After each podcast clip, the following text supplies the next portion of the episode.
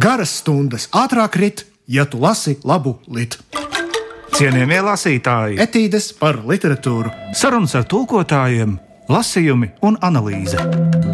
kopā ar dzinieku Tomu Trēbergu un vēl Ar rakstnieku Svenu Kusminu trešdienās, ā, 15.35. ā, LR1. Labdien, cienījamie lasītāji! Labdien, cienījamie lasītāji! Vēlējos tev uzdot jautājumu, Tom. Sven, es gaidu to jau tagad. Vai tu kādreiz bērnībā, vai ne tik ļoti bērnībā, esi mēģinājis izgudrot pats savu valodu? Nē, bet man šķiet, ka tas kaut kādā ziņā notika pats no sevis, tad, kad es mācījos rakstīt. Jo es skatījos uz priekšmetiem, kuri man ir apkārt, kuriem bija nu, kaut kādas etiķetes vai kaut kādi vārdi, kas uz šiem priekšmetiem bija. Tad es skatījos un vienkārši pārrakstīju tos burtus un savā ziņā. Tā izveidojās jā, par jaunu valodu, jo nevienmēr tie burti tika pārrakstīti tā, kā viņi atradās uz šiem priekšmetiem. Un kā tev ar savu personīgo valodas eh, ražošanu? Tu zini, es biju ļoti apņēmīgs bērns. Es vienā brīdī izdomāju, ka es patiešām uzražošu pats savu valodu ar gramatiku, ar sintaksi un visu pārējo. Man bija tāds plāns, es paņēmu latviešu angļu vārnīcu, un tad es gāju cauri visai vārnīcai, un man liekas, nu cik sarežģīti tas var būt. Vienkārši vajag izdomāt katram vārdiņam, kurš ir vārnīcā, savu citu vārdiņu, ielikt to kaut kādā gramatikas schēmā, un valoda gatava. Būtībā tur divu dienu darbs.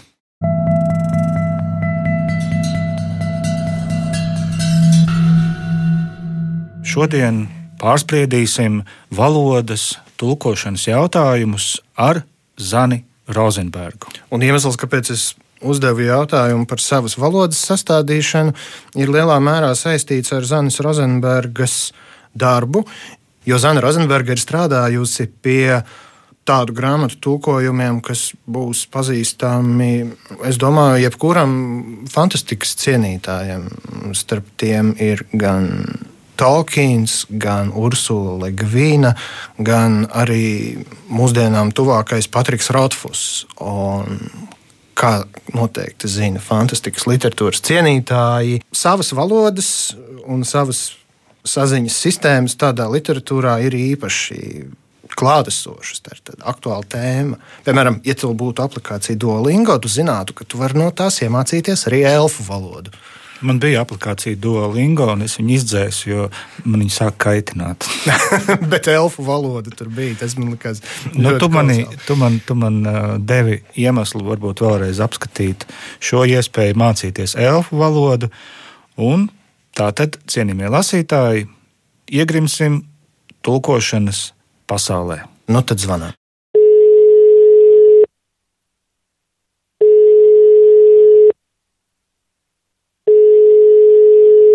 Labdien! Labdien! Šeit vispirms Toms Streibergs, bet man blakus ir arī Svens Kusmins. Sveiki! Labdien, Zane! Patīkami! Es gribēju jautāt, kā mēs tieši izsitām jūsu ikdienas ritmu, jo iespējams jums ir kaut kāda, nu, tā arī tas darba dienas grafiks, un pēkšņi mēs tajā parādāmies. Varbūt pastāstiet pāris vārdos, kā jūs eh, sadalāt savu darba dienu. Nu, to diezgan grūti pastāstīt, jo nekāda grafika nav. Nu, dzīve ir dzīve un, un nemitīgi ir savas korekcijas. Bet nu, visumā es esmu izteikts rīta cilvēks, tā kā man galvenais darba laiks ir kaut kur no puspieciem rītā. Un, vārds sakot, priekšpusdiena. Tas būtu galvenais un, un tālāk pēc apstākļiem. Jūs esat tulkojusi citas starpā arī Tolkiena darbus. Patiesībā nevis darbus, bet vienu darbu. Ah, Hobitu tikai, ja? Mm, Hobits katrā ziņā bija laikam mūsu paudzē viena no iecienītākajām grāmatiņām. Jā, nu tā ir grāmata, kas ir gan, gan bērniem, gan pieaugušajiem. Hobits kaut gan ir uh, dzirdēti citi uzskati, Hobits tomēr ir sākta kā bērnu grāmata. To savās piezīmēs un vēstulēs uh, Tolkiens pats ir atzīmējis, uzsverot uh, atšķirību no Silmariona un, un Gredzena pavēlnieka. Un tā, kā, jā, tā ir it kā bērnu, bet tomēr tur tā mitoloģijas daļa un, Un tas, eh, tā pārējo uz tālāko nu, ir tāda, ka, ka tā dara arī citos vecumos.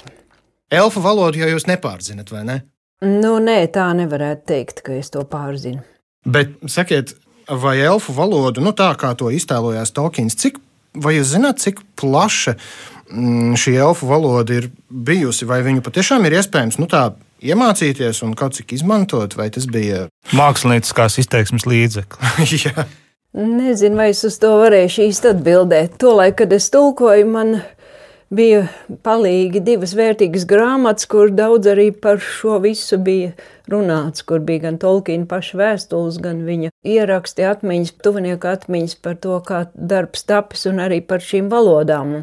Bet tas jau bija stipri sen, tā kā diez vai es varēšu to sīkāk paskaidrot. Nu, nu, domāju, ka tas ir gan, gan, gan, gan izteiksmes līdzeklis, gan arī nopietnāks pamats varbūt.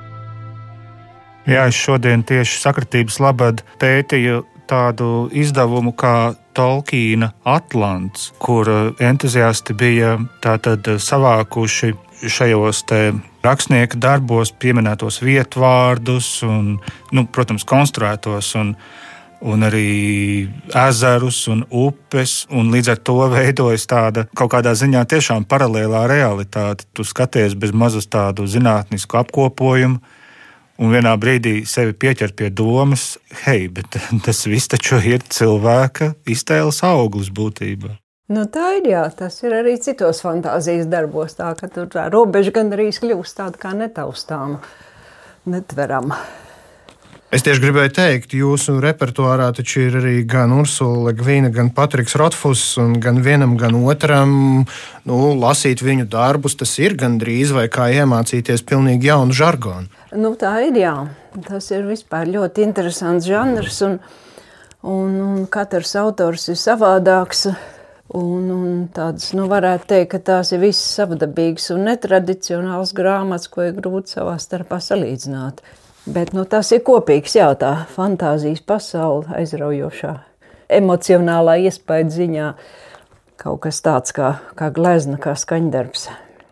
Pēc kādiem principiem ir iespējams veikt kaut kādu tulkojumu kaut vai šiem pašiem jaunvārdiem, un vietvārdiem un visam pārējiem, kas ir sastopams tādos Ligvīnas vai Ratfusa darbos? Nu, tur ir jāmeklē kaut kāda mitoloģiskā sakne tam visam, jeb ir vienkārši pēc skanējuma jāvadās, kā jūs pie tā strādājat?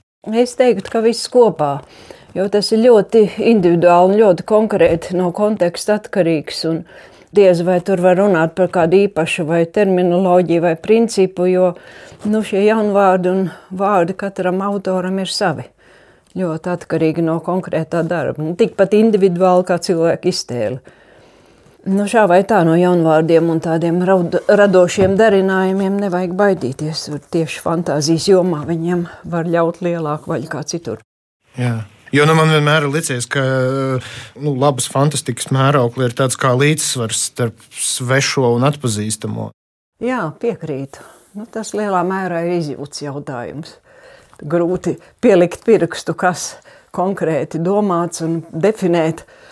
Tur ir jāizjūt.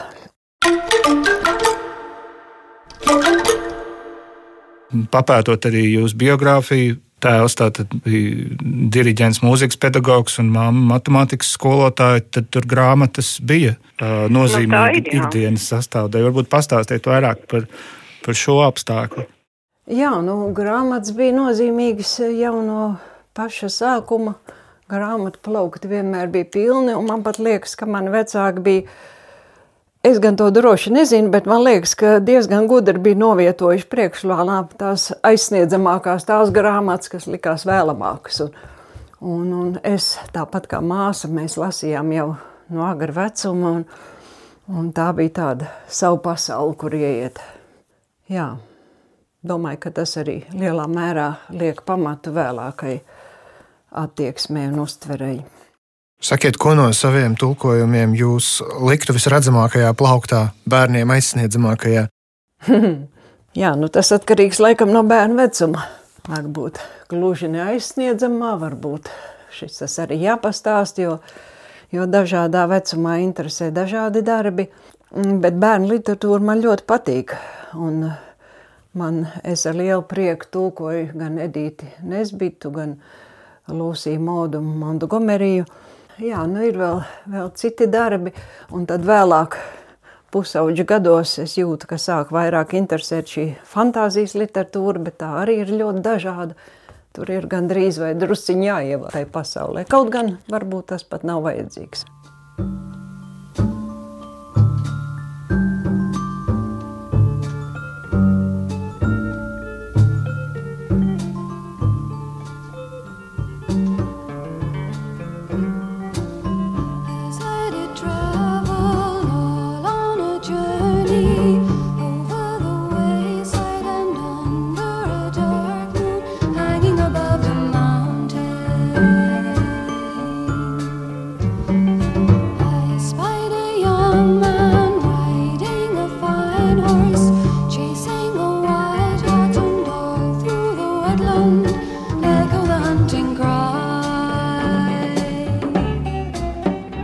Svens jau nu, ievirzīja mūsu sarunas nākamo, ja tā varētu nosaukt, sadaļu, proti par tām grāmatām, kuras jūs novietotu plaukta priekšplānā.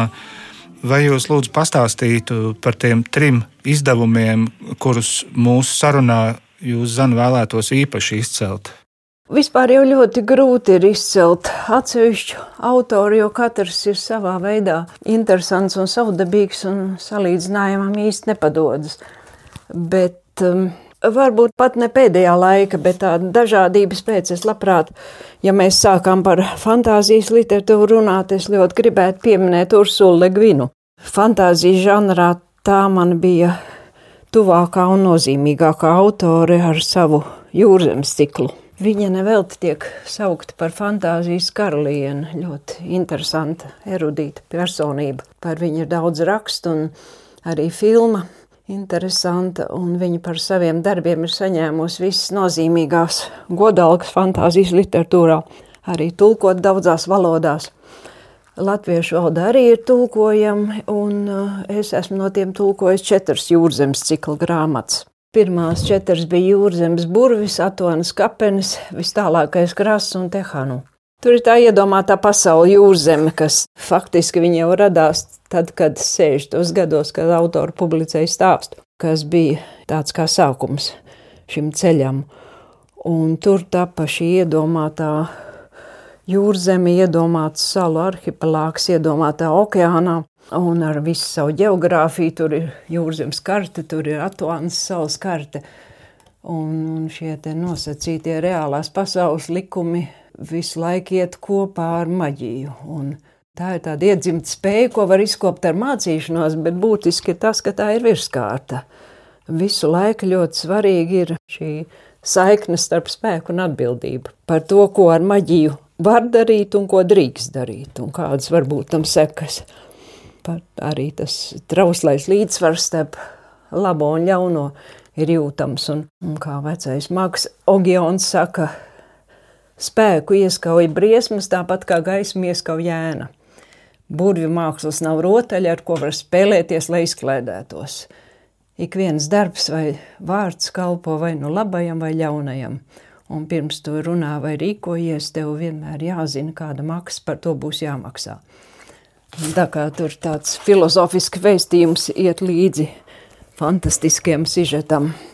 Un uh, grāmatas ataino galvenā varoņa Geda ceļu uh, no jauna burvju mācekļa līdz arhimaga stāvoklim, bet tas nav tikai tāds ārējais. Tas ir gan ārējais fiziskais ceļojums, gan ceļojums pašam sevī, jo katrā no šīm grāmatām viņš parādās jaunā pakāpē.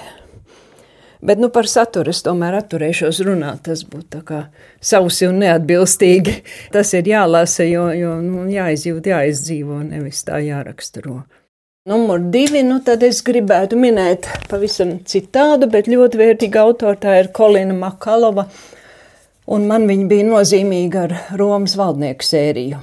Austrāliešu rakstniece visplašāk pazīstama kļuva ar savu otro darbu, dziedoņa ērkšķļumā, gan pasaulē, gan Latvijā kļuva pazīstama ar šo ilgas melnbārdas tulkojumu un arī ar teātras starpniecību un viņai daudz citi darbi, un latviešu arī ir tulkot. Nu, man no tiem ir bijis tas prieks tulkot darbu nepiedienīgā apmātība, un trīs pirmos romānus no šīs Romas valdnieku sērijas. Pirmais vīrs Romā, Zāles vainags un Fortūnas izredzētie. Vēl šajā sērijā ir latviešu izdots arī romāns Cēzara sievietes, eh, bet tas iznāca agrāk kaut gan chronoloģiski tas ir ceturtais Latvijas, ka viņš tika izdots kā atsevišķa grāmata agrāk, tulkotājs Anģels Šuvājevs darbs. Es nekad iepriekš nebiju tik dziļi iegājusi seno laiku vēsturē, un es pat iepriekš nebūtu domājis, ka tas būs tik aizraujošs ceļojums. Tur ir darbības laiks, ir nepārāk liels, tā ir daļiņa no, Romas, no senās Romas laikiem, un, un tieši Romas republikas noriet laiks bet tas nepavisam nav savs vēstures pārstāsts. Kaut arī autori tiešām ar tādu nu, apbrīnojumu precizitāti ir izpētījusi avots un aprakstījusi fonu un, un dažādas detaļas. Un, gan intrigas, gan nodevības, gan norises, gan tēlus. Nu, vēstījums ir dzīves un aizraujošs. Tur ir asprātība, tur ir izkliedējuši elementi, un, sakot, tas kopums ir tas.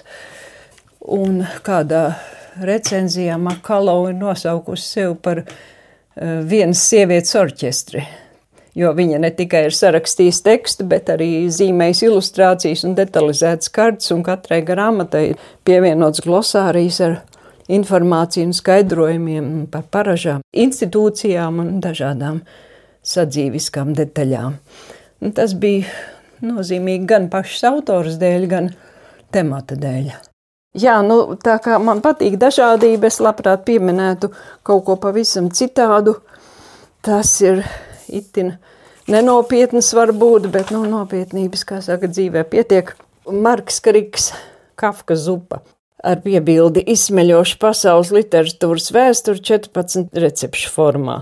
Tā nav sevišķi pazīstama grāmatiņa, bet viņa bija interesanta no tulkošanas viedokļa. Autors ir britu fotogrāfs un rakstnieks kas pazīstams ar literārām parodijām, kur viņš asprātīgi atdarina dažādu autoru rakstības manieri. Tur ir gan Prusts, gan Markes, gan Marķīs Desats, gan Homērs. Un viņš kādā recenzijā pat tika nosaukts par literāru ventriloquistu, ja vēderunātāju, citu balsu atdarinātāju. Tā ir savdabīga literāra parodija pavārgrāmatas formā. Varbūt, ka mēs varam lūgt kādu vienu rindkopiņu tīri tādai atmosfērai. Es tagad skatos pēc nosaukumiem. Nu, tur ir piemēram Jērgaļa diļu mērcē Reimonda Čandlera gaumē, tā ir pasniegta attiecīgi robustā stilā. Vai Virģīnijas Vulfas ķiršu pudiņš konsekventā apziņas plūsmas garā. Vai, teiksim, Ervins Volšs Eh, šokolādes kūka tiek cepta ar viņam raksturīgo to žultaino ironiju un lamvārdiem un tā. Vīnā sautēts gailis Gabriela Garcijas Markesa gaumē. Un tā kā es ne Prustu, ne Markesu, ne Homeru oriģinālā neesmu lasījusi, tad šajos gadījumos tas atspēriens bija jāmeklē tulkojumos. Un tas vēl piedevām ceļot caur angļu valodu, tā kā, nu, es teiktu, diezgan savdabīgs izaicinājums. Un tāpat arī angliski rakstošos autors vajadzēja lasīt un pārlasīt, lai atspaidzinātu atmiņā, teiksim, lai iejustos tajā stilā. Šeit ir sīpola pīrāgs Džefrija Čausera gaumē, visu recepti pasniegt dzējā.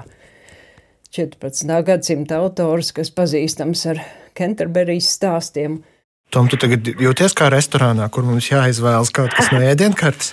Tas sīpola pīrāgs izklausījās ļoti interesants. Jā, mums tad to sīpola pīrāgu lūdzu. Jā, nu tātad Čosera Kenterberijas stāstos sižets ir tāds, ka sveceļnieki iet no Londonas uz Kenterberiju un vakarā sapulcējas naktsmītnē, kur tās saimnieks viņus aicina sacensties ar stāstiem. Un tā katrs stāsts savējo. Dažādas aprindas, dažādi cilvēki, dažādi stāsti. Un šajā te Marka Krika versijā dalībnieki ir iepriekšējo, it kā iepriekšējo recepšu stāstītāji.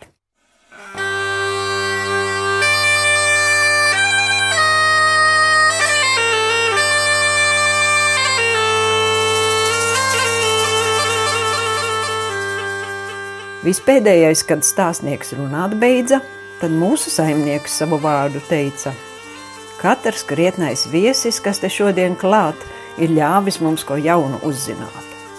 Kā daudz vietavos stāstos maistar grejam, tev pievilcis laulātais starp rindām smējams. Un tu, ak, drūmā blūmsberijas sieva, tu godam pelnījusi žēlību no dieva, jo ķiršu pudiņš tevis apcerētais ir tāds, ko uzteiks katrs kristīgs ēdājs. Bet tu, ak, Prāgas studenti, grāmatas ver ciet, jo Ovidijam šoreiz malā jāpaiet. Mums citas metamorfozes šī aizņem domas no cildināmās pavārmākslas jomas. Par to, kā meistarīgas rokas vadīts, no hausa tiek īstens brīnums radīts. Ars kulinārijā, kad celta goda vietā, liek krietnis stāstnieks tādas spējas lietā, kas kristietim ceļ dvēseli un garu, un miesai piešķir mīlību un sparu.